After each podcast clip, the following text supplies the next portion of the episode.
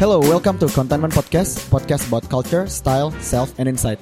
Dengan gue Berkah Muharam dan hari ini gue ditemenin co-host gue, Halo, Iyo. gue Iyo. Halo Yo, Eh, ki- kan episode 1 kemarin kita udah sempat ngebahas ten- tentang brand contentment itu sendiri nih. Kita ngadirin empat co-foundernya. Hari ini kita kedatangan dua orang teman kita.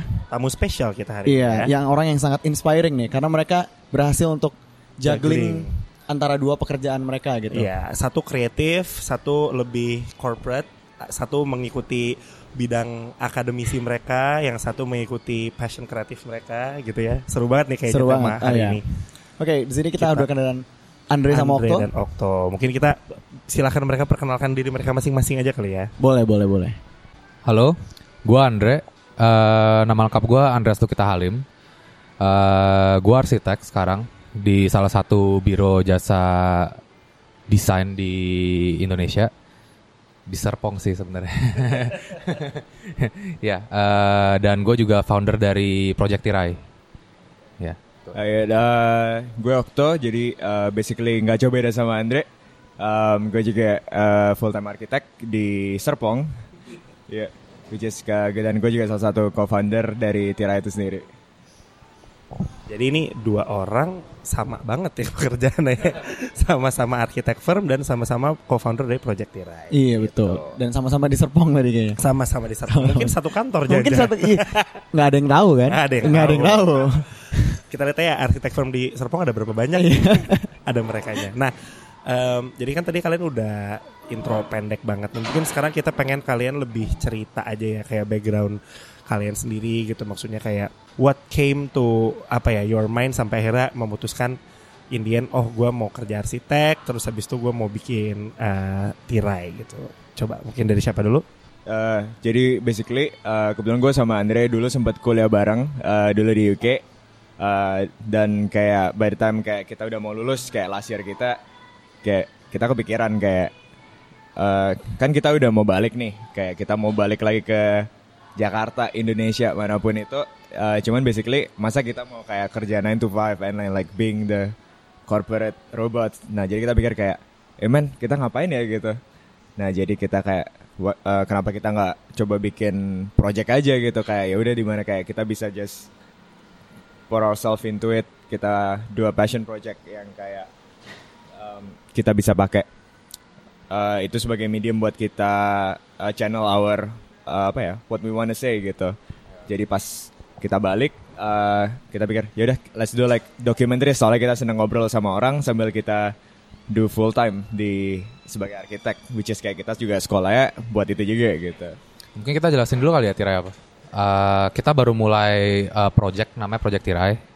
Eh, di mana ini sebenarnya kita tuh lebih ke creative label sih, creative label yang mau dijadikan platform di mana kita mengekspos eh, hidden talent sama untold stories di Indonesia gitu. Makanya eh, mungkin bisa check out Instagram kita, Project Tirai. Advertising dikit. Eh, jadi basically yang kita lakukan itu kita interview orang-orang, kita tanyain mereka, tapi kita kemasnya tuh dalam bentuk eh, apa? Vis Cinematic. Cinematic ya, visualnya cinematic. Biar kemasannya lebih cantik aja gitu ya. Iya. Tapi intinya sih kita mau educate orang sih lewat situ. Oke. Mungkin soalnya pas kayak sewaktu uh, kita di UK situ kayak basically society-nya udah di situ kayak it's up there, udah maju banget. Tapi waktu kita balik ke Indo, kita lihat kayak banyak banget nih orang yang di jalanan yang kayak di UK nggak banyak banget orang jalan jualan nasi uduk berapa ribu gitu kan. Jadi kayak kayak seru deh buat ngobrol. Jadi ya dari situ kita mulai dari situ sih kira-kira. Oke. Menarik ya. Maksudnya mereka bias di Project Tirai biasa untuk interview orang sekarang gantian ya kan? Iya. Kita yang bakal interview mereka. Nah, cuman tadi kan sempat dibilang kayak sama-sama kuliah di UK dulu, du- dua-duanya sama-sama ngambil arsitek berarti ya. Ah, waktu itu di waktu di UK tuh sempat ngelihat apa sih kalian berdua kayak sampai bisa kepikiran kayak kita butuh deh kita kita mau deh bikin si Project Tirai ini di Jakarta karena kayak mungkin belum ada atau misalnya ada sesuatu yang pengen lo tunjukin ke masyarakat atau gimana gitu maksudnya ada banyak banget hal yang bisa dibikin tapi kenapa jatuhnya ke bikin project tirai kayak gini gitu? Ya mungkin perhaps ya itu sih. Kayak tadi kan kita sempat kerasa kayak waktu kayak misalnya lu keluar lu lihat kayak semua tuh udah jadi gitu. Misalnya kayak lu udah nggak perlu keluar rumah buat udah ada Amazon Prime gitu. Misalnya kayak lu tinggal ceklik ting tong barang datang lo udah kayak keluar eh gue mau baca blog ini nih. Gue mau ada organisasi ini nih. Gue suka ini. It's already there gitu.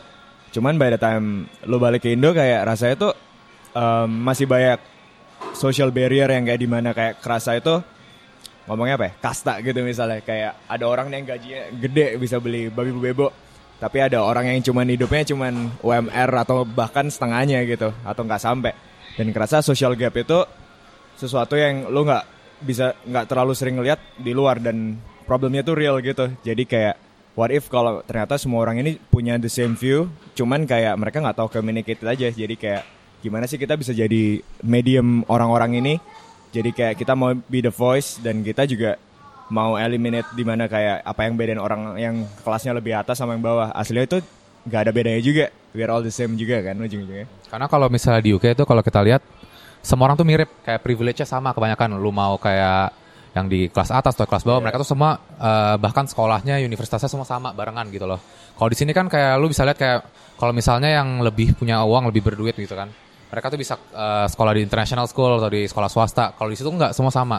Well they have private schools tapi jarang banget ya dan mahalnya Yeah. tuh sampai kayak middle class tuh nggak bisa sekolah di situ soalnya mahal banget. True. Jadi ya kita lihatnya apa ya di Indo tuh lebih diverse aja sih diversity-nya kerasa banget di sini makanya kebinekaan itu kayak mungkin salah satu tema kita sih untuk Tirai kita mau menunjukkan kayak maksudnya kalau dari kayak zaman Bung Karno kan apa yang dia proklamirkan itu kan kayak sebenarnya Indonesia itu kan kekuatan itu salah satunya di kebinekaan kita diversity kita. Makanya kita beda tapi kita satu gitu loh. Makanya kita eh, punya ke- apa kayak lebih hebat lah. Maksudnya kayak itu adalah salah satu strong point kita gitu loh sebagai Indonesia. Iya, soalnya mungkin kayak kalau kita lihat sendiri kayak socio-economic factor di Indo itu kayak memang beneran saking kaya banget. Tapi kayak gimana sih kayak kita bisa unify ini semua jadi kayak um, as kita actually satu. Kita meskipun kita kebagi secara sosial, secara uh, economically diverse juga, kita nggak harus bisa satisfy everyone, tapi kita bisa kayak make sure everyone to be on the same page towards the same direction dan I think kayak itu mungkin salah satu first step yang bisa kita achieve dan anak-anak muda sekarang kan seru-seru abis bisa yang kayak gitu dan kita cuman mau pas kita balik we can we wanna be a part of the movement juga aja gitu. Jadi sebenarnya kalau misalnya gue tangkap tadi tuh inspirasinya justru malah bukan datang ketika fix di UK-nya, tapi sebenarnya malah kayak ketika lo ngebandingin apa yang ada di sana dengan apa yang terjadi di home turf kita nih di Indonesia gitu kali ya.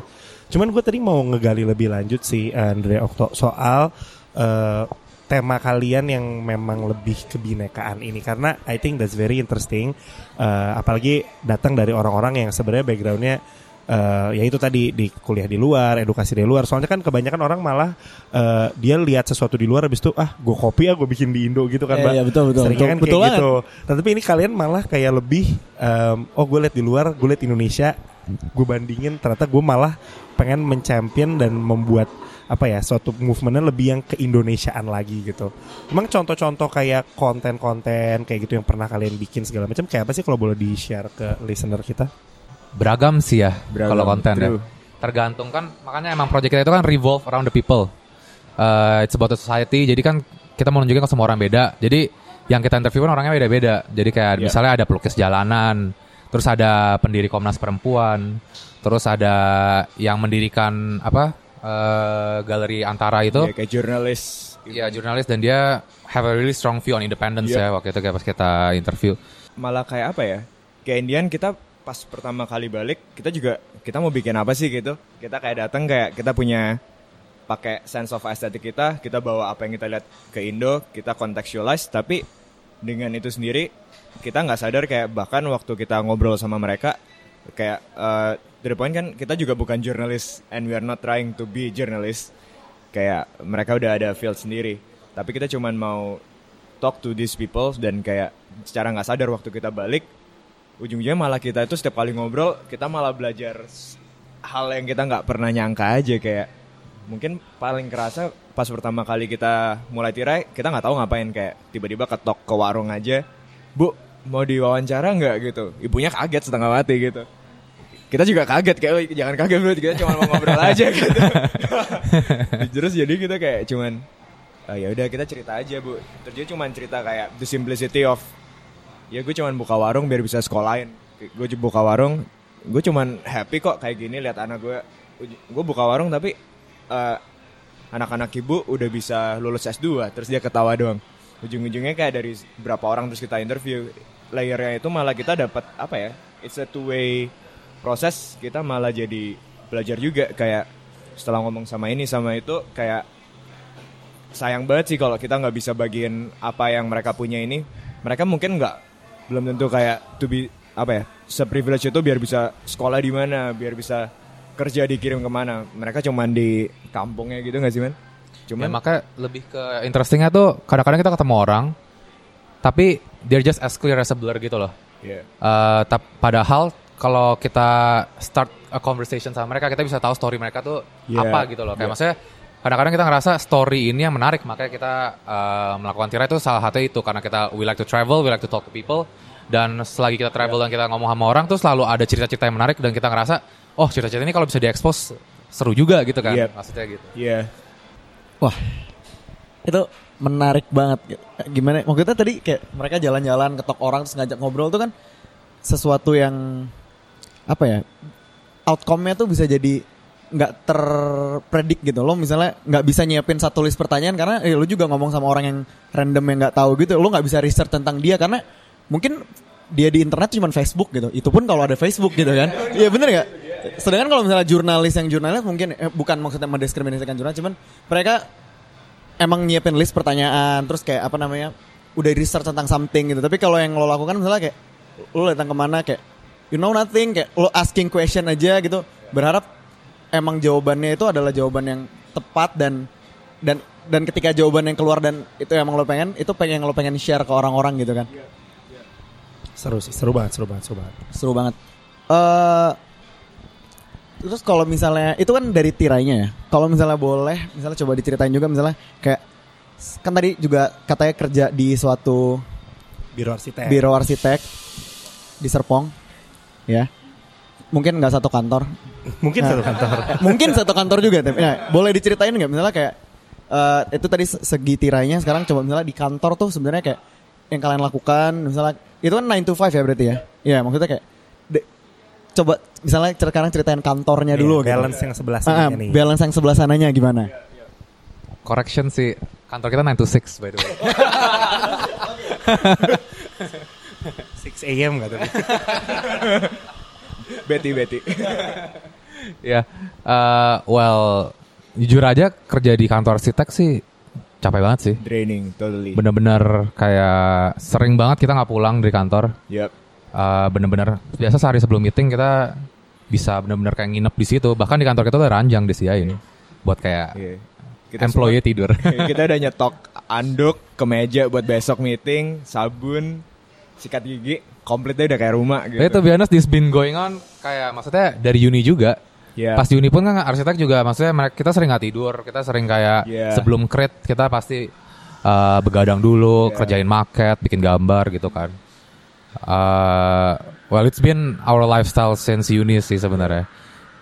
Cuman lebih nggak nyangka kayak mungkin kita pas di situ kita expect kayak oke kalau di luar itu kayak sistem kerja itu human banget. Jadi kayak ya udah itu uni aja hidup lo kayak gitu. Cuman pas kita balik ke sini bam kayak sama aja Gak lebih nyangka, kirain banget bakal malah. lebih kirain bakal lebih nyantai. Iya.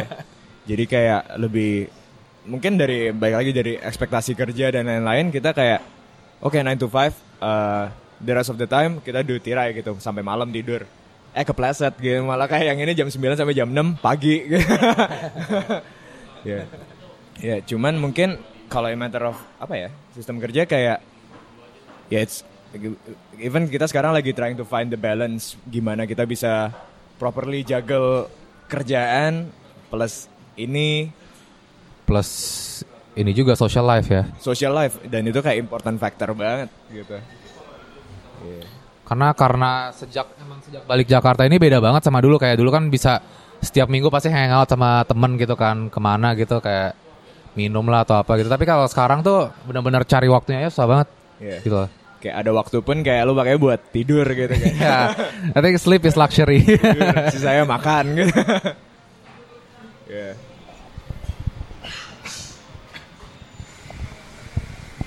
Oke, okay, jadi tadi dari tadi kantor arsitek kan kayak parah banget ceritanya. Maksudnya kayak ya you've been in one of the itu juga kan ya maksudnya salah satu Consulting. konsultan Iya, consulting kurang lebih gitulah. Iya, Sama aja kan? mau bidang apa pun sama aja mau bidang gitu. apa pun ya pokoknya berhubungan dengan Lu juga klien kurang lebih gitu kan sama berhubungan ada orang kliennya pasti kan kayak gitu ya maksudnya kayak lo har- ya mau gimana pun harus menyelesaikan apa pun yang ya di demand oleh klien. dari orang lain. Nah, itu sisi kerjaannya. Terus kalau misalnya tadi kan sempat udah disinggung tuh tentang balancing between both of the world terus ada kayak social life-nya juga, pengen tidur juga. Mungkin kadang-kadang ada satu hari pengen di rumah gitu kan kayak aduh gila gue keluar terus kayak pengen di rumah gitu karena waktunya udah habis di luar gitu. Misalnya kayak sampai sekarang ki- kira-kira balancingnya tuh gimana caranya kalian berdua misalnya cara buat balancingnya dan struggle-nya misalnya kayak Pada saat ngebalance itu pada saat ngebalance itu misalnya gitu. kayak udah janjian tapi capek banget aduh sorry banget nih gue harus bail sama teman-teman gue gue gak jadi pergi gitu misalnya kayak atau pengen banget pergi capek jadi keluar tuh udah kayak eh, kayak setengah zombie gitu kan kayak kayak boleh cerita gak Most of the time kita maksain keluar sih, tapi Yang kedua- bonyok aja mukanya biasa. Udah kayak zombie ngomongnya cuman eh eh. Misalnya kemarinnya abis gak tidur gitu kan, terus tiba-tiba datang udah kayak terus teman-teman kita udah kayak, eh gila lu muka lu banyak banget, kenapa lu? Gitu kan. Parah sih kayak capek banget emang. Iya. Iya. Tapi ya mau gimana lagi, soalnya I mean kita masih mau hangout juga gitu loh sama teman kita. The at the same time kita juga saat ini juga ada ambisi di mana kita pengen ngerjain dua-duanya juga. I mean eh, kita juga ada rencana di mana Yeah. kita pengen nyambungin ar- architecture aspek kayak dari I mean skill kita kan kita well trainnya di architecture sebenarnya. Yep. Maka kita mau nyambungin itu dengan tirai juga gitu loh. Makanya we make makanya kita jadi tirai itu creative label di mana kita make art installation juga or architectural installation atau bahkan kayak eh, design stuff juga ya. Kayak sekarang sih udah lagi ada jalan beberapa project emang. Dan itu makin susah lagi jugglingnya. Mungkin gimana jagalnya kan kan kita juga arsitek pas banget sama-sama di Serpong nggak tahu se- seperusahaan juga mungkin mungkin satu company. Kita Iya. satu company. ya? tahu deh ya cuman cuman kita serumah jadi basically mungkin kalau soal nyolong nyolong waktu gue sering banget sama si Andre eh eh men gue tidur dulu ya. Lo boleh bantuin apa ngestol bentar nggak gitu? Jadi ntar dia yang nahan bentar gue tidur. Shift gitu, tidurannya ganti-gantian. jadi kita main satpam satpaman sendiri lah gitu. Jadi kayak mungkin ya hal-hal gitu ya. Kadang kalau misalnya eh lu mau ke Jakarta ntar ketemu ini kan? Ya udah lu tidur dulu. Jadi kita yang kerjain gantian. Ya, terus gue meeting gitu misalnya. ya jadi mungkin gara-gara gak ada waktu jadi ya udah nyolong-nyolong dikit. Tuker-tukeran gimana gitu Tiring sih, cuman at the same time kan karena this is what we wanna do, kayak ada aspek funnya juga gitu loh sebenarnya. Gitu aja sih. Jadi salah satu rahasia buat juggling nih buat orang-orang yang lagi juggling, kalau lo nggak bisa nyuri waktu di kantor, setelah kantor jadilah satu flatmate ya. Jadi bisa sambil waktu tidur sambil curi-curi juga gitu. Hati-hati aja bisa bisa muak juga ketemu dos 24/7 kadang-kadang. 24 jam di kantor, di project, di rumah. Literally 24/7. Kayak gue lebih sering ketemu dia daripada cewek gue. Price you have to pay ya. Price you have to pay. eh du- bener-bener 20 20 apa namanya 24 jam ya ketemunya kayak kantor. Project kreatif. project. Tidur. Oh, enggak enggak enggak. Ti- enggak tidur gue enggak. Serumah. oh, Oh iya. Iya bener juga. oh iya sorry. Oh iya ya jadi ketahuan Bongkar deh satu kantor. serumah. Tidur gue nggak tahu mungkin kepisah. Mungkin. Mungkin nggak ada yang tahu kan. Aduh. Oke itu eh, apa namanya untuk masalah kerjaannya Eh, kita mungkin coba gali masalah di tirainya lagi kali ya Boleh boleh. Ah, kan gue sempat scroll scroll Instagram kalian tuh ya. Kayak gue nemuin ada yang gue lupa sih, ibu-ibu yang ngomong tentang feminisme. Terus ada bapak-bapak yang pangkas rambut ko siapa? Kotang. Kotang itu gue. Eh, maksudnya kayak boleh diceritain nggak dari beberapa project yang udah tirai bikin nih? Sebenarnya ketemu orang-orang itu gimana sih? Apakah kayak tadi semua caranya kalian jalan satu-satu ngetok? Karena itu kan makan waktu banget nih. Misalnya emang jalan buat ngetok ngobrolnya aja kan udah lama, editnya lagi lama. Ntar lo salah kayak nggak mau ngambil gambarnya lagi lama. Tapi proses kreatifnya sampai bisa dapat kayak, eh kita kayaknya mau orang ini deh, kayak kita mau orang yang ini deh, kayak kita mau orang yang ini deh. Itu boleh diceritain nggak jalannya gimana? awal-awal kita rada slow ya mungkin gara-gara belum tahu mau interviewnya asli spesifiknya gimana. Cuman kayak eh tapi kita set baru pertama which is video kita itu yang kotang itu tukang cukur rambut paling tua. Eh, kita memang cari jadi kayak dan itu selalu kayak sistem kita jadi kayak oke kita sebelum kita mau interview orang eh, kita kayak cari dulu di blog kayak soalnya biasa kalau news orangnya udah kena sorot kan jadi kita lebih kayak cari blog-blog yang udah dalam-dalam gitu buat cari apa sih yang seru jadi kita sempet nemu terus langsung samperin aja gitu Sometimes bedanya mungkin di news ada, udah ada, cuman kita lebih Yeah. mau ke lebih on a personal level sih gitu. Hmm. kayak lebih ke cerita dia gimana dia achieve ya bukan kayak apa yang dia udah achieve gitu. Kan biasa kan kayak gitu. Iya. sama tapi kita slow banget sih. Ke- kebanyakan kita ketemu orang by chance sih sampai sekarang. Kayak misalnya eh yang Saparina itu kan sebenarnya yang teman kita. Terus dia kayak ber, diceritain kayak oh ya nih yang gua nih eh, mendirikan Komnas Perempuan terus feminist figure. Terus kita kayak oh gila seru banget yang lu. Ya kita ketemuan dong gitu. Gitu aja sih. Iya. jadi Terus, istilahnya apa istilahnya kayak kita kerjanya nge-clash ke keluarga orang doang aja gitu Gak tahu udah berapa bonyok berapa eyang engkong gitu. Cuman kayak ya itu sih. Mungkin balik lagi kayak kita backgroundnya juga bukan jurnalis, isinya itu kita cuma datang. Mungkin kita nggak bilangnya kayak eh mau kita wawancara nggak? Kita lebih kayak ketok pintu, gemeteran dikit, eh, boleh ngobrol nggak depan kamera gitu. Sama, cuman cuman lebih casual dan kayak cara ngomong kita pun juga kayak eh, jangan kerasa kayak diwawancara kita ngobrol aja. Jadi kayak dari situ kita baru yang improvise lewat editing kayak di mana kayak itu nggak bakal kelihatan kayak interview dan kita juga mau interaksi kita itu natur natural, personal dan kayak even uh, after kita juga udah ngobrol sama mereka kita pasti selalu comeback kok kita pasti kasih mereka kayak bingkai foto simple dan beberapa dari mereka juga ujungnya jadi temen reguler kita kayak even yang Eyang itu kita juga udah berapa kali selalu balik ke rumahnya cuman buat ngobrol aja dan mungkin itu gara-gara cuman kita cuma mau ngobrol aja kali ya Ya, I mean, that's the reason why kita juga equipmentnya tuh nggak heavy gitu loh.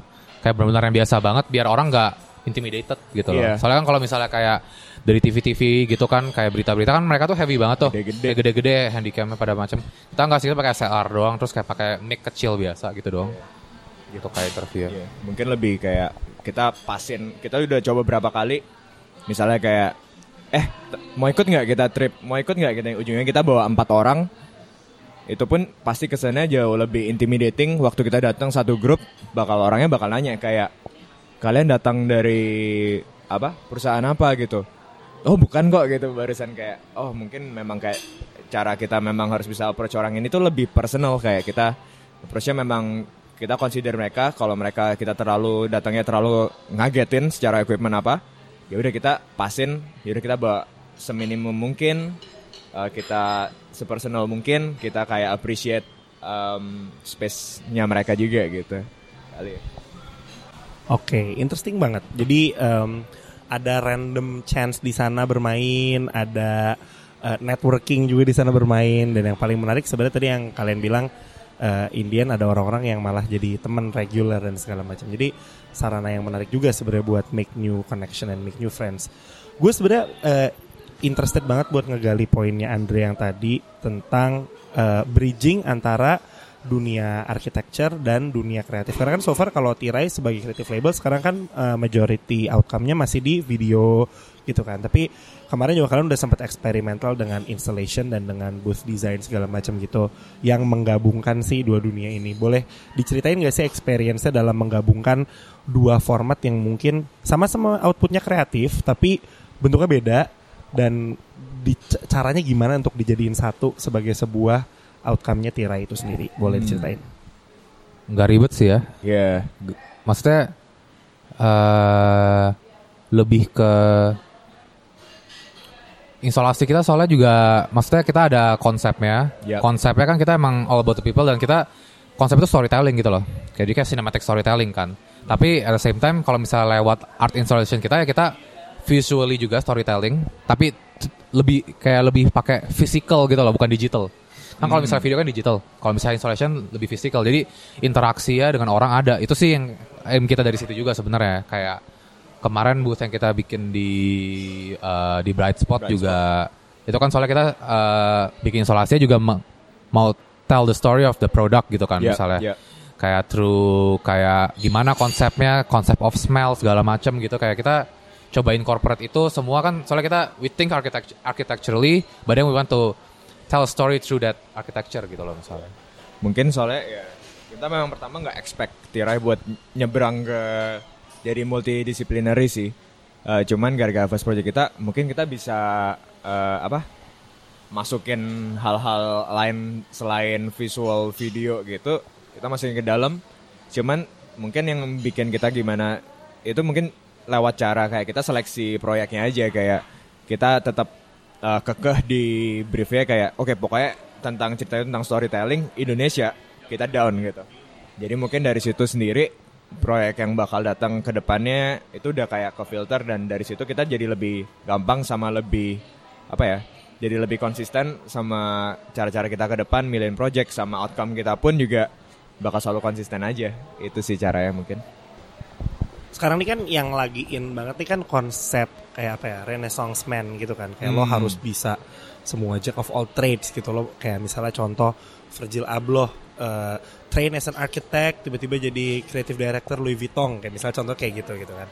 Eh, pengen nanya menurut pendapat kalian nih apa sih kelebihan kalian berdua gitu ya sebagai orang yang 9 to 6-nya adalah arsitek eh, ar- arsitek tapi punya creative project di bidang storytelling di bidang video gitu kayak um, compared to let's say orang yang cuman ngerjain video aja di their daily life atau orang yang cuman jadi arsitek aja di daily life gitu. Kayak ada satu advantage sendiri nggak sih yang nge-cross antara dua itu?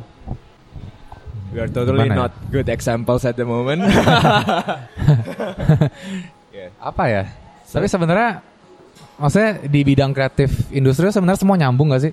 Yeah. Kayak you have one skill you can apply uh, you can apply it in another kayak maksudnya kayak another thing gitu loh.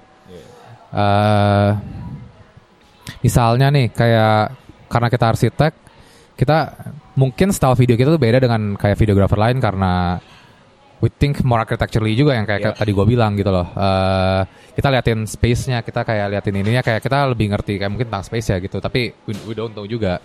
Eh, dan dari video pun kita juga belajar tentang ratio segala macam kan. Yeah. Kayak which is used in architecture juga gitu loh maksudnya. Tapi menggabungkan duanya atau kelebihan? Mungkin gara-gara kita kemarin banget sih baru ngobrol kayak basically eh, gimana sih kita bisa kalau misalnya ke depan nih kita udah mau grow di architecture sekalian sama Tirai udah nggak jadi anak corporate gitu. Kayak kita mau gimana gimana sih kita bisa grow ke kiri sama ke kanan sekaligus? Kayak tapi tuh honest kayak dari experience atau cerita orang kayak itu belum tentu possible soalnya lu bakal hilang fokus gitu kan. Jadi mungkin kenapa kita juga sempat bilang kayak what we are doing right now kalau kita concentrate kayak begini sekarang it might not be the best solution.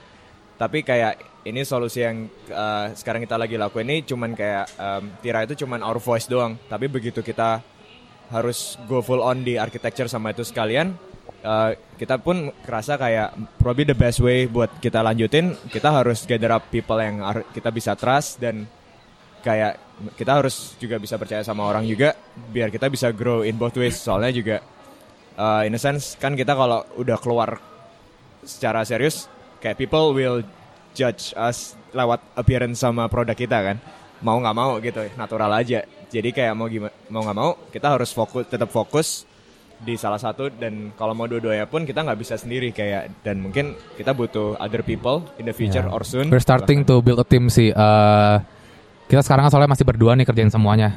Semuanya berdua doang. Kayak eh, jadi kalau ada yang mau ikut kasih tau kita ya. promosi promosi kirim email ya Recruiting. Itu Career bisa dikirim ke mana Tirai. CV-nya? udah ada nih email mungkin DM Instagram dulu kali D- mulainya. DM Instagram mungkin. DM Instagram dulu Tapi jangan pap. jangan pak jangan pak DM portofolio aja DM portofolio. DM portofolio. Em, boleh nggak nih teaser lah ceritain ke, mungkin ada yang belum nonton nih ya di tirai salah satu episode aja misalnya kayak misalnya kayak boleh ceritain nggak kayak awalnya terus kayak ketemunya terus ngobrolnya boleh diceritain misalnya mungkin Pak Cipto nggak sih yang Pak Cipto yang masih upcoming oh iya iya boleh. boleh. teaser juga. Nah, jadi kita kemarin sempat pas di Jogja, kita nggak tahu nih, kita, eh kita ada sewak seharian nih nganggur kita, teman-teman kita udah balik, tirai aja yuk, Kita lagi pergi buat art joke ya waktu itu ya. eh, buat Arjok. Iya. Nah, Jam 9 pagi kita baru mulai Google Google gitu. Jam 11 kita udah cabut, kayak seimpulsif itu. Dan kita ketemu sama ini mbah-mbah, umurnya udah hampir 90 atau 90-an bahkan. Tapi dia tuh kayak semacam pelukis uh, selebornya becak. Kalau eh, pada yang nggak tahu, itu selebor becak itu yang kayak penutupnya ban itu Yang di samping itu loh yang kayak covernya Iya. ban, ah, ah, yang di lengkung. Jawa Tengah itu masih becaknya masih begitu. Mungkin kalau di becak tempat lain nggak begitu. Nah, tapi kalau istilahnya di Jogja itu ada satu orang doang yang ngelukis itu dan dia udah umur 8 eh, hampir 90 60 ya. dan nggak ada yang terusin nggak sih? Nggak terusin, semua anaknya nggak mau terusin. Jadi uh, literally dia tuh the last selebor painter di Indo. Ya.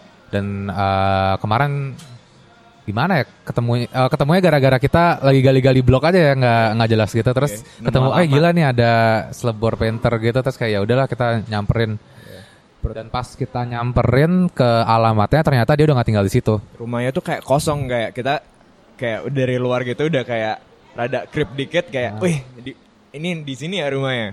Orang yang dalam juga udah lihat-lihat kita gitu kayak, tapi tempatnya mana? Kalau udah nggak ada.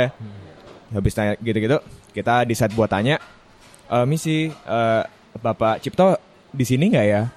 Terus tiba-tiba orangnya kita kaget, dia bilang kayak dia udah nggak di sini nih gitu. Udah Dia pindah udah ya. pindah rumah gitu. Dia Jadi kita ada- nanya ke ini warung sebelah rumahnya kayak eh Pak Cipto pindah ke mana gitu kan. Kita sambil beli minum gitu. Terus eh, dia baru kasih tau kita ke alamatnya yang baru. Terus kita kayak oh ya udah nyata dia pindah ke sini dan dia masih paint selebor juga. That's good gitu kan. Ya udah kita jalan, ciao. Eh, pesan Grab gitu terus kayak ke jalan kaki malah, tempat- men. Jalan kaki ya? Jalan kaki doang kita. Gua pesen Grab. Kirain deket Enggak tapi ya? ternyata lumayan. Lumayan. jangan kaki ke situ ya pokoknya jangan ke situ. Terus kita kaget juga pas nyampe nyata dia udah tinggal di kos-kosan dan itu pun kecil banget eh, dua kali dua ya. Iya, rumahnya dulu padahal gede banget. Rumahnya dulu gede kayak ada lapangan di depannya. Dulu itu kalau di fotonya ada workshopnya gitu. Tapi sekarang cuman kayak kos-kosan kecil 3 kali 3 meter. Itu cuman tempat tinggal dia udah termasuk eh, tempat tidur, lemari, mesin jahit. Jadi bayangin kayak seberapa sempitnya itu tempat. Ya. Bahkan gak ada tempat tidur. Dia tidurnya itu di sofa. Dan kita udah kayak masuk situ tuh kayak Orang umur 80 kaget loh banget. kayaknya. Umur segitu begitu tinggalnya udah kayak udah beda banget. Jadi kita pas pertama masuk kita cuman ketok dulu sih kita ternyata Mbak Maya apa Mbak Pak Ciptonya tuh lagi tidur siang kita kayak Pak boleh ngomong nggak? Dan kayak oh ya sebentar saya keluar. Dia balas dari dalam pintunya ketutup. Nah pas dia keluar dia kelihatan apa ya? Yang bikin kita kaget dia nggak yang bikin impresi itu kayak dia nggak nyangka bakal ada orang lagi visit dia gitu loh. Dia nggak tahu bakal kita tuh mau pesen slebor atau kita mau apa. Cuman kita ngobrol ke dia kayak, ya kita mau em, interview Pak Cipto aja, kita mau ngobrol aja gitu. Dan muka dia tuh kayak seneng banget kayak, wah iya gitu. Dan kayak itu pun habis kita lihat, habis dia agree, dia masuk ke dalam lagi buat siap-siap. Kita lihat lagi ke sekelilingnya itu kayak di kampung kayak celepitan di Jogja gitu. Dan kalau kita lihat sekelilingnya itu kayak ini tempat nyelip banget kayak kayak ini asli Indonesia yang apa ya? Yang kita nggak Nggak terekspos gitu. Yang nggak terekspos gitu loh kayak siapa nyangka sih orang-orang tetangga lu di kos-kosan di apa? Di sebelah sungai Antabrata di Jogja itu ngelukis selebor yang paling terakhir dan itu berkesan banget buat kita soalnya eh, rasanya ini bentar lagi nih nggak ada nih udah ada sekarang kan udah ada banyak apa ojek online gitu kan kayak secara realistis becak itu udah nggak udah nggak apa ya efisien lagi udah orang yang ngayu capek kadang lebih mahal terus habis itu kadang panas dan kayak Yang kita sadar sih Ya artinya we're experiencing uh, dying culture gitu loh Iya. di Indo gitu. hmm, dan Di uh, maksudnya bukan sele- bukan yang selebor ini aja bukan beca doang sebenarnya.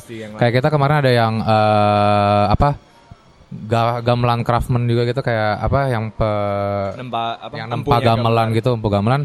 dia juga bilang eh, soalnya gamelan itu lo kalau mau buat tuh lo harus apprenticeship gitu loh. Kayak lo harus dari eh, dari kecil kerja sama dia, diajarin bla bla bla, ada ritual-ritualnya juga gitu kan, ada doa-doanya, baru bisa gitu lanjutin bikin gamelan. Tapi sekarang udah gak ada lagi gitu. Jadi kayak maybe in the future gamelan bakal dikit banget, bakal kayak super rare gitu loh. Kayak padahal it's a traditional instrument yang kita pakai Iya, banyak banget udah gitu. tua dulu. banget gitu mungkin yang experience yang berapa kali yang paling ngena ke kita itu kayak berapa kita lihat tuh suatu saat nggak bakal ada sebanyak ini lagi nih jadi kayak apa mungkin kita bikin ini bukan sebagai keren-kerenan aja tapi sebagai kayak semacam selebrasi buat di mana sebelum ini jadi makin dikit kita bisa bikin kayak perayaan Terakhir kayak gitu. perayaan terakhir Ya, gitu last celebration of the culture gitu. kan, maksudnya before it dies iya, gitu. nggak tahu ntar dalam bentuk event atau nggak tahu dalam bentuk apa. Cuman kita mau jadi atau at least ngajak atau mau join beberapa community yang udah ada buat kayak ya udah kita celebrate apa yang kita habis ini udah nggak ada dan apa yang lagi jadi concern di dunia modern ke- zaman sekarang gitu kan. Wow. Wow dan sedih sih at the same Iya. time. Kayak apa ya? Maksudnya yang mereka mereka lakukan kayak ngelihat sesuatu yang mungkin menurut orang-orang Jogja ya bapak itu udah ya biasa gitu. Oh iya emang Granted em- banget, Iya kayak, for kayak tetangga banget. biasa aja tuh kayak oh iya ada bapak itu iya emang dia terakhir ya udah kenapa? Terus gitu kan. Banyak banget orang yang kayak "Eh, ya udah kenapa gitu kayak Misalnya kayak gamelan tadi, oh gamelan mau mati, ya udah emang mau mati ya kenapa gitu, udah mungkin udah jadi bagian dari hidup mereka bahwa kayak ya udah itu nggak apa-apa gitu, tapi kalau nge- datang dengan bahwa kayak nggak ini tuh bukan ini nggak bukan nggak apa-apa nih kayak ini apa-apa gitu, iya kan, ini ini tuh we apa-apa gitu, About it gitu kan. iya kayak kenapa nggak ada orang yang kayak melakukan sesuatu dan makanya lo ngebawa itu menurut gua perspektifnya menarik banget sih. Makanya bener banget pas kalian bilang ini jadi sebuah suara gitu ya. Karena emang it's a voice gitu pada akhirnya. Karena yang kalian feature juga hal-hal yang memang seharusnya relevant. Itu sih menurut gue yang penting. Karena di zaman sekarang kan orang semua vanity banget kan. Maksudnya Instagram apa segala macam. Apa yang in sekarang gitu lah. Kayak kadang-kadang. Ya makanya eh, itu yang itu yang bikin kayak hal-hal kayak gini jadinya penting soalnya emang hidden banget, uncovered, tapi orang harus tahu dan orang harus dengar dan lebih banyak lagi orang yang harusnya peduli gitu kan. Keren keren banget, keren banget.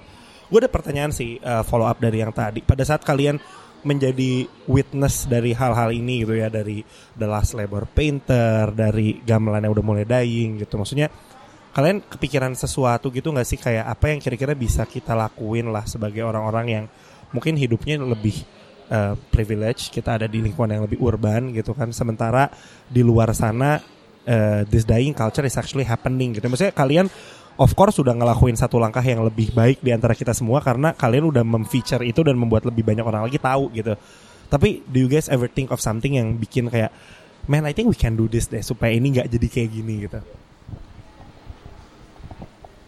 Definitely sih, mikirin Definitely, sih. definitely. Cuman lagi mikir gimana caranya. Iya.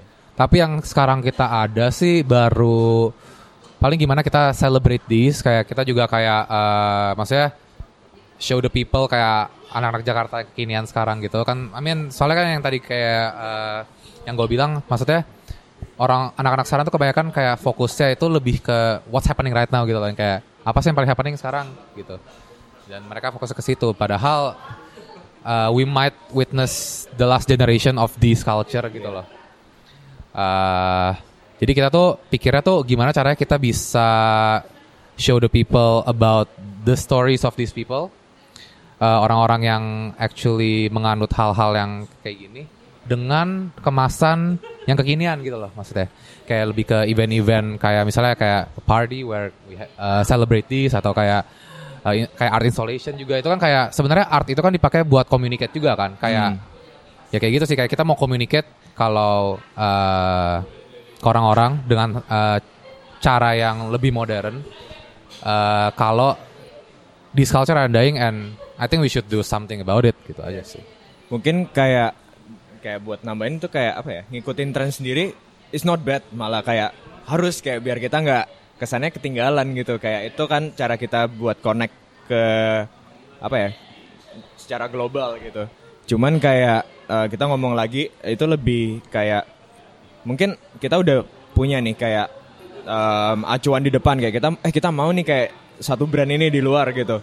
That's okay gitu. Kita punya karakter nggak apa-apa mirip dia, tapi kayak apa yang paling penting itu kayak kalau kita udah punya set skills itu, kita udah punya kita udah train seperti kayak orang yang udah punya brand itu, it, it's important buat kita selalu ingat kayak we semua kayak masing-masing dari kita itu penting kok bisa punya voice kita sendiri. Kita harus punya strong viewpoint terhadap sesuatu itu sendiri. Jadi kayak basically um, kita nggak tahu gimana, kita juga masih finding out our ways gimana kita bisa preserve ini. Kita nggak punya jawaban. Cuman mungkin lebih kayak keajakan kayak kalau kalian jago di suatu hal atau kalian punya sesuatu yang mungkin udah lebih uh, established dari kita kayak uh, gimana sih kita semua itu bisa berusaha buat bikin itu lebih fit ke konteks Indonesia yang sekarang ke masalah-masalah ini dan kita misalnya nih kita punya kayak oke gue punya grup travel gitu gue punya traveling agent gitu kenapa kita cuman feature ke tempat-tempat Indo yang lagi ngetren? Cuman ki- kenapa kita nggak oke gimana kita bisa buat workshop buat uh, Pak Cipto ini? Itu kan sesuatu yang baru dan dengan lakuin itu kita nggak cuman kayak running the business tapi kita express apa yang kita kerasa penting gitu. Ya kita raising awareness gitu Iya, kan maksudnya. kayak uh, just like just have your own voice. Apa yang kalian lebih passionate di yang mau kalian tekanin then that's what you should believe in and it's good if we can all do it at the same time jadi kita bisa progress bareng aja gitu ke depan Enggak yang maksudnya yang kita lihat juga kayak apa? Misalnya kalau musical instrument gitu, eh hal-hal yang kita yang lebih ngetren sekarang misalnya kayak gitar atau piano atau violin gitu kan. Padahal itu juga sesuatu yang ancient gitu loh. Tapi western, western kan, western instrument. that's okay Iya, dan and that's okay. Kayak kita masih bisa enjoy itu. Tapi kenapa hal musik tradisional kita sendiri padahal va- vast banget kan, banyak banget, beragam banget. Tapi kita nggak ada yang ngerasa itu kayak that's actually cool gitu loh. Dan kita sangat terinspirasi sama teman kita juga sih ada eh, divisi 62. ya Eh, mereka eh, creative label juga, tapi mereka tuh juga ada eh, fokus di musik gitu. Tapi mereka tuh pakai kayak instrumen-instrumen eh, yang kayak apa? Yang tradisional, Ya. kayak gamelan, terus apa? kendang Gendang gitu-gitu. Mereka tuh breakdown buat jadiin kayak experimental modern music gitu loh. Dan itu keren banget. Ya, you guys should check it out sih. Divisi 62 kalau Soalnya misalnya. kayak kalau kita ngomong lagi ballet itu keren, orkestra keren, tapi kayak ketoprak eh, wayang orang itu nggak kalah keren juga gitu loh. Cuman perlu dikelola, diremajain buat kayak kita semua, dan itu nggak bakal bisa nyaingin. Kayak kalau kita lihat kayak Jepang, or- orang Jepang itu kayak apa yang bikinin mereka itu stay true tentang culture mereka sendiri, makanya sekarang secara tourism mereka gede banget. Dan kita juga bisa lakuin itu kayak why not? It's just that kalau kita lebih proud aja, kayak I think we can achieve the same thing kayak sama negara-negara yang kece-kece gitu. Wow, itu Pengen tepuk tangan. iya Pak. tepuk tangan. Gimana cara tepuk tangan di podcast tuh gimana caranya? Susah deh, gue bingung tepuk tangan di podcast. Tepuk tangan sih ini.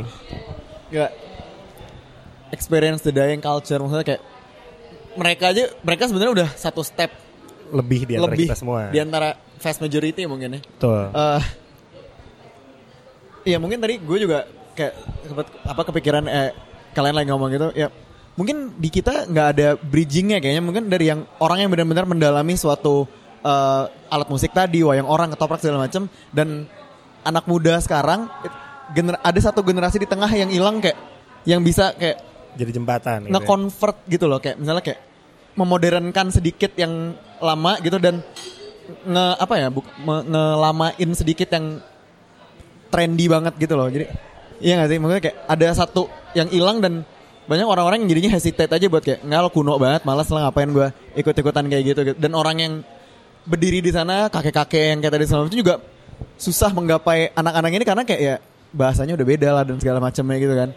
Jadi sekarang wave-nya menurut gue udah ada sih. Karena kan dengan contohnya ada kalian gitu misalnya Itu udah satu contoh. Terus mungkin kayak musik disco eh, Indonesia 60-70 arsip dikeluarin lagi semua And people are going to the club listening to this music. Maksudnya Getting there sih ya. never have people imagine that would happen in kayak 2018-19 gitu kan tiba-tiba lagu-lagu Indonesia 60-an Siapa yang menyangka 2018 Reza Artemisia manggung lagi gitu. Nggak ada yang tahu kan? jadi queen of live Iya kan? music gitu. Iya begitu. Nggak ada yang nggak ada yang tahu gitu kan. Shout out Reza. Jadi itu itu sih menurut menurut kita yang paling menarik dari diskusi awalnya kita mau ngomongin juggling between day job ke ini sampai ke preserving culture ya. Jadi sebenarnya ini di juggling between two culture kayaknya. bener sih. Bener iya kan? Bener bener bener. iya. Kayak, Wow. Oh, berhubung, tadi gue sempat kebayang satu pertanyaan kayak berhubungan kalian juga arsitek ya. Ada nggak sih menurut kalian kan arsitek juga eh, arsitektur tuh juga ada apa namanya?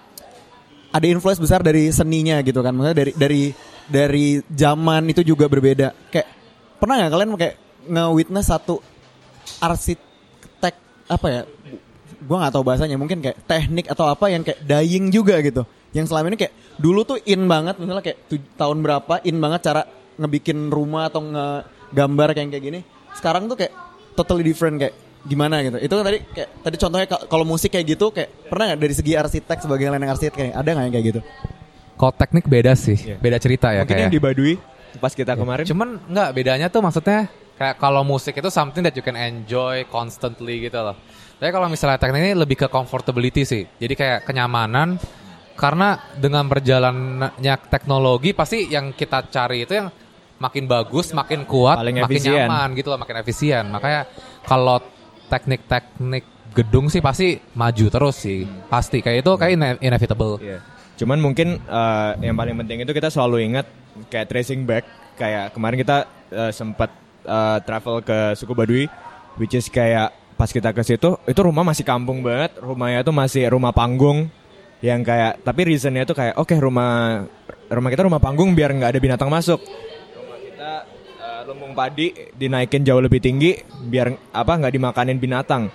Terus kita nggak pakai paku, kita nggak pakai ini, kita nggak pakai itu. Mungkin eh, mungkin sekarang memang heading towards a better direction. Cuman kayak kita, I think penting banget kalau kita bisa selalu ingat kayak dulu rumah itu dibangun itu nggak kayak gitu. Dulu rumah itu dibangun dengan metode yang jauh lebih simple dan harusnya setiap kali kita bisa move forward kayak it's important buat kita dulu eh, buat bikin rumah itu aslinya sesimpel itu. Kayak mungkin kita mau ngejar estetik yang paling dewa gitu cuman eh, it's not everything. Kayak ujung-ujungnya semua itu tentang fungsi dan kayak dan fungsi itu pun lahir dari kayak hal yang paling simpel kayak sandang pangan papan misalnya. Kayak ya Ya. cuman sesimpel itu aslinya gitu. Gue setuju sama Okto. Tapi menurut gue, maksudnya kalau misalnya ngomongin kayak teknik modern gitu ya, ya. menurut gue sih challenge-nya sekarang sih sustainable design sih. true Karena dengan cara-cara kita yang sekarang tuh kita carbon print-nya banyak banget Boros gitu loh. banget. Kayak benar-benar gak sustainable dan kita tuh benar-benar we're destroying the earth with Yeah. our buildings gitu loh. Yeah. We have all this concrete jungle gitu kan kayak itu nggak sustainable sama sekali kayak coba lu pikir kalau misalnya nih gedungnya udah nggak bisa dipakai lu hancurin itu semua konkretnya hilang ke mana gitu loh nggak ada kayak itu ya udah di situ Iya. ngotorin bumi lagi gitu loh bikin konkret And- itu and- kayak iya. ngeluarin berapa banyak gas emission gitu buat cuman ngecor CO2 doang. emissionnya banyak banget Oke. jadi emang di situ sih menurut gua sustainable design sih butuh banget sih sekarang Iya. Meskipun perlu meskipun kayak perlu buat kita secara ngomongin secara bisnis kita butuh tempat bagus. Cuman yang important semua itu bisa di-achieve bahkan dengan simplicity. Soalnya kayak ada contoh yang udah lahir dari berapa ribu Ya, juta tahun yang kayak lalu gitu. challenge-nya itu kayak how do we make like a whole ecosystem di di rumah itu di architecture itu gitu loh. Iya. kayak di gimana kayak uh, bisa architecture itu tuh uh, fully independent gitu loh. Kayak tanpa Hmm. harus pakai sesuatu dari luar. Jadi kayak nggak bakal keluarin apa emission atau uh, anything harmful to the environment gitu loh. Iya. Iya, soalnya ujungnya semua itu balik lagi ke hal yang paling simpel sih. Kayak kita muncul fotografi nih misalnya. Kayak fotografi sekarang kayak bukan sesuatu yang em, yang direspek mungkin kayak sekitar 20 30 tahun yang lalu kayak waktu pertama muncul. Sekarang itu hal yang lebih secara intuisi gara-gara gue punya iPhone 64 GB misalnya gitu gue bisa jebret sana sini sini. Cuman padahal itu semua itu lahirnya dari kayak orang yang cuman mau capture satu momen sama keluarga yang memang kayak satu shot itu precious. Dan kayak kalau kita balik lagi lihat art itu dari segi itu hal yang paling fundamentalnya itu kita jauh lebih bisa appreciate apa yang dulu kita sempat punya meskipun kita udah punya kesempatan biar bisa lakuin itu dengan cara yang jauh lebih better gitu. Hmm. Going back to the basics, soalnya kan architecture itu sebenarnya designing for human, kayak maksudnya basicnya itu cuma shelter doang, kayak biar kita apa maksudnya eh iya kita tuh gitu doang. maksudnya protecting us from elements gitu loh, from Iya. natural elements yang lain kayak hujan dan segala macam gitu dari sinar matahari.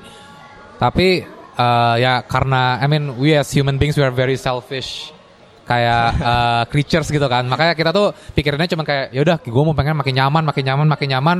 Kita nggak mikir kalau kita bikin makin nyaman ini padahal we're destroying our earth gitu loh dari situ. Iya. Dan padahal sebenarnya dulu juga kayak our apa ya indigenous architecture mungkin sebenarnya jauh lebih gentle to the earth ya kayak maksudnya mereka lebih memperhatikan elemen-elemen tentang karena dulu kan orang masih sangat menghargai eh, lingkungan gitu. Maksudnya mungkin pem- pemikirannya pun masih beda dan itu mungkin roots dan fundamentals yang kita harus balik lagi ke situ. Kayak same goes with any other type of creative output. Sebenarnya itu yang kayak mungkin kita harus melihat lagi fundamentalnya ini apa gitu. Kayak with the new teknik yang udah lebih gampang dan lebih cepat sekarang tapi nggak nggak lupain kayak fundamental yang yang dari zaman dulu tuh juga udah ada gitu kan jadi ya, nggak tiba-tiba bikin ya udah bikin rumah kayak semuanya dibetonin dan segala macamnya kayak bodoh amat gitu pembahasannya sangat luas sekali ya dari video dari ini arsitektur sekarang jadi bahas tentang environment Ah, environment menarik menarik menarik sekali Oke, jadi mungkin pertanyaan terakhir kali. ya. Kita tadi udah ngomongin soal tirai sebagai creative work kalian. Kita udah ngomongin soal eh, kegiatan kalian di kantor juga. Gitu udah ngomongin hubungan di antara keduanya. Mungkin sekarang pengen nanya yang lebih simple kayak, ma- maksudnya goals juga sih. Maksudnya dengan kalian melakukan dua hal ini secara paralel, pasti sebenarnya personally masing-masing dari kalian juga ada goal yang pengen dikejar dong. Dan maksudnya nggak mungkin lah eh, kalian waste time, energy, effort untuk ngelakuin semua ini tanpa sebenarnya pengen punya sesuatu di ujung sana gitu. Mungkin boleh di-share nggak sih ke yang dengerin podcast ini gitu sebenarnya goal personal kalian apa sih dan kayak kenapa dua hal yang lagi kalian jalanin bareng ini bisa menjadi stepping stone buat kalian lebih dekat ke si goal itu. Ya. Kalau ngomong secara general kayak ya pasti masing-masing dari kita kayak kita sadar lah kayak misalnya kayak 20 30 tahun lagi misalnya banyak udah tua, lo udah uh, fingers cross berkeluarga gitu kan, lo pasti butuh source of income buat lo bisa kasihin environment mereka jauh lebih baik dari apa yang mereka punya atau apa yang kita sempat punya kan. Mungkin itu that means oke kita harus berkarir yang mentok gitu sebisa kita. Cuman kalau buat gue personally kayak alangkah indahnya kalau emang uh, kita bisa di ke depannya kita bisa punya suatu project sama suatu kerjaan yang punya impact nggak cuman secara inwards ke kita sendiri cuman ke orang yang di sekitarnya juga gitu jadi mungkin secara social project atau project kita itu impactnya tuh nggak cuman ke dalam cuman keluar juga Dan- itu bakal ideal banget Dan di sana I think architecture plays a part because through architecture kita bisa create communities. Yup. Dan maksudnya eh kita nggak mungkin ngelakuin itu semua kayak tanpa ada architecture juga gitu loh. Karena everything needs a space dan dari situ kita mungkin bisa design something that really um, echo our kayak voices aja sih gitu. Eh, juga apa ya kayak kita pengen break the bubble gitu sih. Yeah. Kayak soalnya we think that di Indonesia tuh right now tuh kayak there's a lot of bubbles di mana kayak orang-orang tuh hidup di bubble mereka sendiri. Kayak bubble aja itu bukan kayak not even kayak eh, pertemanan atau misalnya ini kayak bahkan di ruang tempat kerja gitu loh. Tempat kerja pun ada bubble di mana eh, corporate-corporate kayak yang gede gitu kan misalnya mereka tuh nggak bisa keluar dari bubble itu kayak maksudnya dari style mereka yang lama atau apa gitu. Kayak padahal orang-orang yang kerja generasi baru itu they have new ideas. Tapi kadang-kadang di tempat-tempat ini mereka tuh nggak punya freedom of expression gitu loh. Padahal they are very creative people and they need to express their ideas gitu. And the ideas might be good tapi bos mereka nggak kasih gitu misalnya kan. Kayak I think everyone is experiencing that dan kita juga experience itu di kantor sih gitu aja. Kayak Yeah. Yeah. ya, Dan- we want to be the platform sih buat Iya. orang to express gitu. Jadi gimana kalau ujung-ujungnya kalau goal kita itu nggak cuman bisa achieve jauh tapi healthy buat orang-orang di sekitar juga dan kita bisa progress bareng, ngajak orang-orang bareng, ngajarin generasi baru. Mungkin itu would be super ideal goal ya. Kayak ya sekalian dapetin sesuatu tapi sekalian jadi impact juga gitu meskipun kecil gitu Ya menurut kita yang paling lacking sekarang sih emang education sih gitu loh. I think people needs to be educated about these kinds of stuff. Maksudnya these things itu harusnya talk about more openly di sekolah gitu loh. Pad- Dan kita tuh nggak ngomong itu sama sekali. Kita masih belajar yang sama aja kayak IPS, IPA gitu-gitu aja. Maksudnya nggak maju gitu loh. Kayak Iya. gitu-gitu doang. Padahal we have issues right now. Dan maybe sekarang nggak urgent itu. Tapi kan in the future pasti urgent gitu loh gini-ginian. Iya. Kayak it will kayak kita kayak accumulate gitu loh. Kayak numpuk, numpuk, numpuk, numpuk. Lama-lama ntar it's too late. Terus kayak we don't know what to do Iya, gitu. kan Misalnya. negara demokrasi ya, ceritanya kayak gini-ginian I think we need we we want it to be more talk about openly aja gitu aja Yeah. sih. kayak these issues Jadi intinya semua tentang starting the conversation kali ya. Dan abis itu gimana caranya dibawa lebih lanjut lagi, lebih jauh lagi sampai ngasih impact yang cukup untuk diri kalian sendiri, making you guys well off, tapi juga it's also good for the society. Mulia sekali ya. Wah, Hebat. hebat. Membanggakan sekali ini. Sangat membanggakan. Oke, thank you banget Andre sama Okto udah kasih udah menyempatkan waktunya eh, mau ditanya-tanyain sama kita. Terima kasih sekali lagi untuk eh, insight-nya obrolan kita sore hari ini. Sore hari.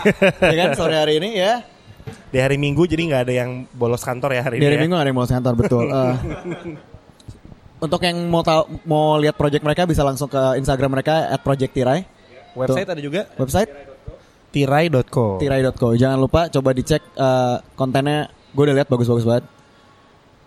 Tadi udah ada teaser yang tentang Plokes itu, Itu ban- belum keluar belum ya? makanya teaser Oke. soon Tanggal kapan? Udah ada tanggal? Belum. Februari. Februari. Oke. Good.